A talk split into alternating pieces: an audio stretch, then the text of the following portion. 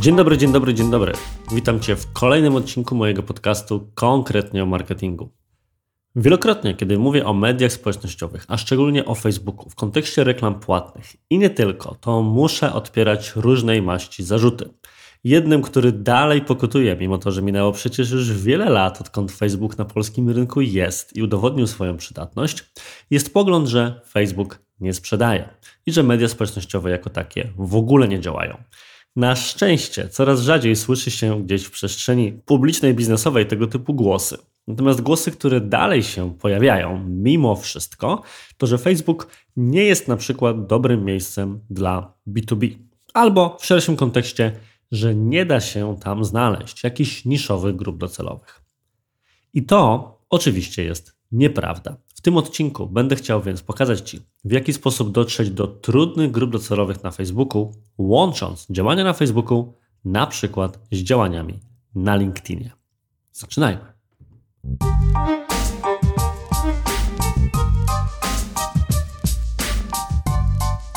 Zanim zacznę, to myślę, że dwa odcinki mojego podcastu, które nagrałem jakiś czas temu, będą świetnym uzupełnieniem tego, o czym mówić będę za chwilę.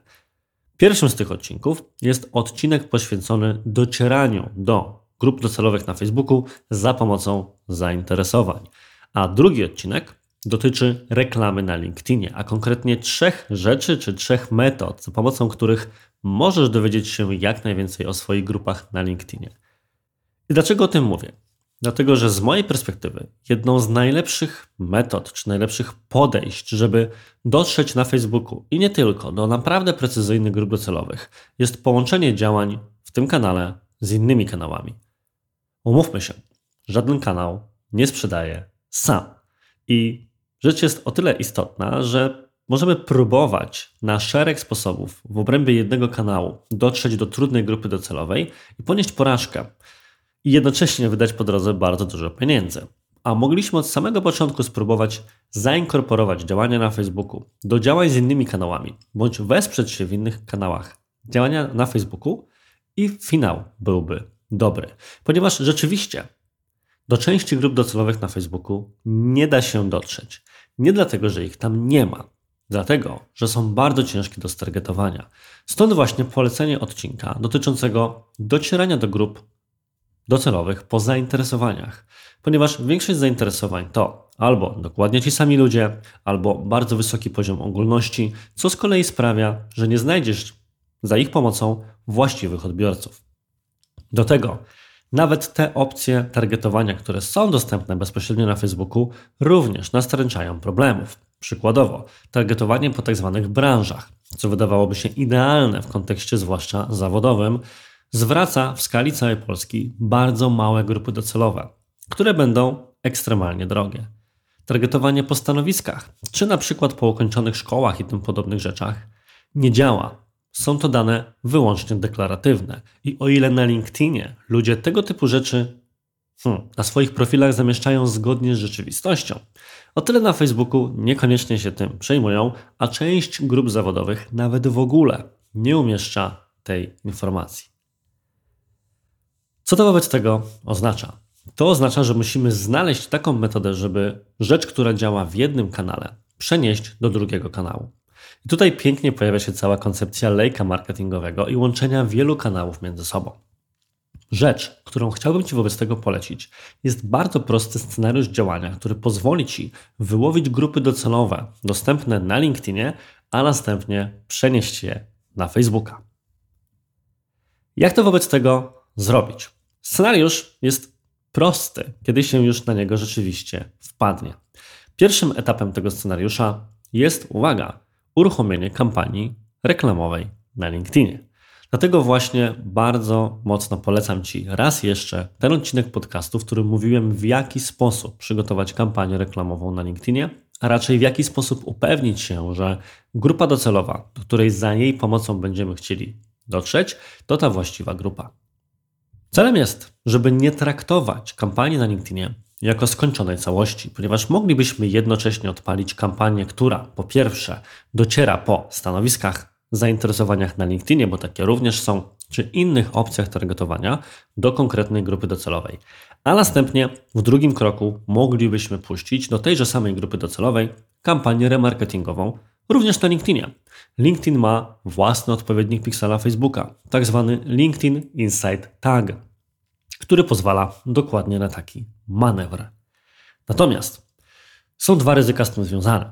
Pierwsze ryzyko, ryzyko kosztowe wynikające z remarketingu. Z uwagi na to, że grupy remarketingowe na LinkedInie są przeważnie niewielkie. Minimalna wielkość grupy docelowej to 300, natomiast oczywiście docelowo mogłoby być więcej, ale biorąc pod uwagę nawet koszty pojedynczych kliknięć, może się okazać, że do tych 300 tysiąca ludzi będzie nam ciężko dobić grupę, mówiąc kolokwialnie, to po pierwsze, taka kampania będzie się później wyświetlać rzadko, a po drugie, za każde kliknięcie zapłacimy jak za zboże, nawet kilka złotych czy więcej. Widziałem nawet takie kampanie remarketingowe i mówiąc widziałem, mam niestety na myśli to, że sam musiałem je puszczać, które kosztowały w okolicach 20 zł za kliknięcie.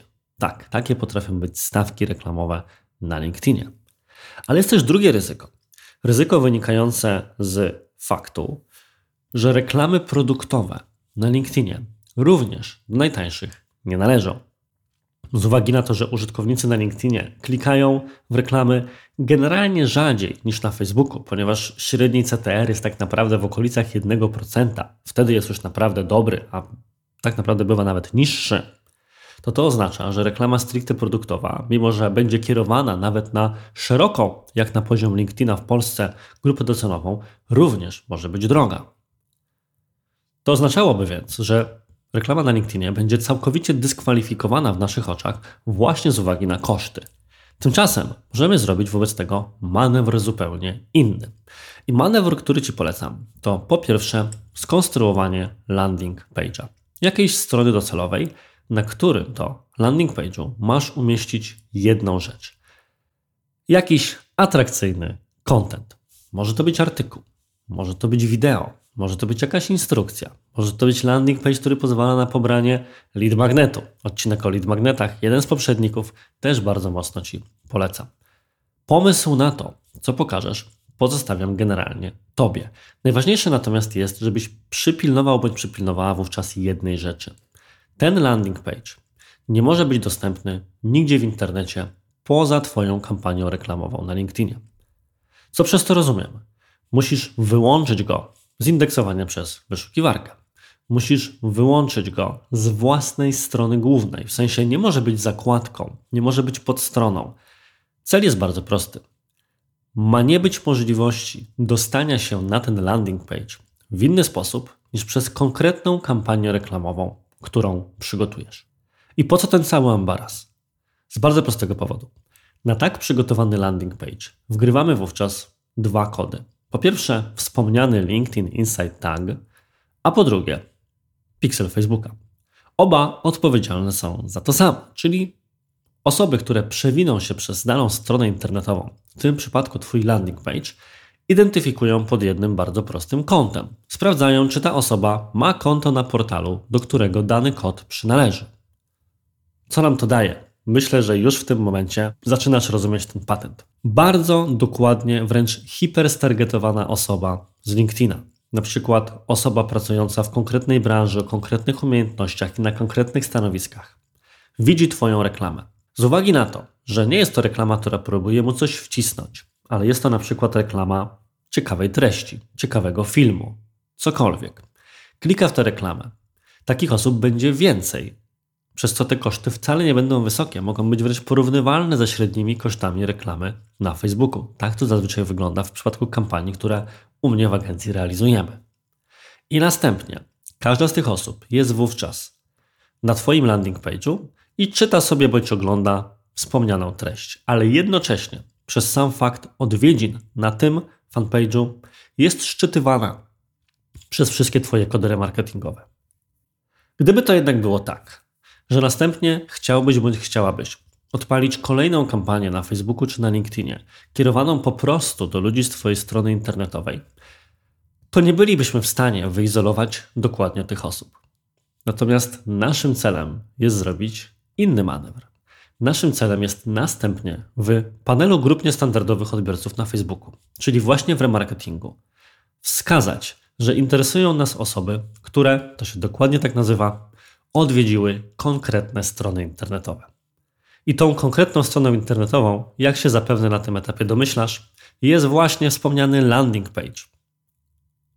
Wówczas Twoja grupa remarketingowa na Facebooku złożona będzie wyłącznie z tych osób, które były na tym landing page'u. A kto tam był? Normalnie w remarketingu nie mamy o tym pojęcia, są to dane zanonimizowane. Natomiast jeżeli w tym konkretnym wypadku wszystkie osoby, które znajdują się na tym landing page'u, łączy jedna rzecz, a mianowicie to, że ich profil, dane behawioralne, dane demograficzne, to dokładnie Twoja persona albo profil, który wprowadziłeś w panelu reklamowym na LinkedInie, to to oznacza, że jeżeli tylko te osoby mają konto na Facebooku, Instagramie, Messengerze, etc. i odpowiednio duża grupa poprzez ten landing page zbierze się jako grupa niestandardowa na Facebooku właśnie, to voilà, właśnie udało Ci się zbudować doskonałą grupę docelową pod nawet bardzo niszową tematykę, czy produkt, czy usługę, również na Facebooku. Prawda, że proste?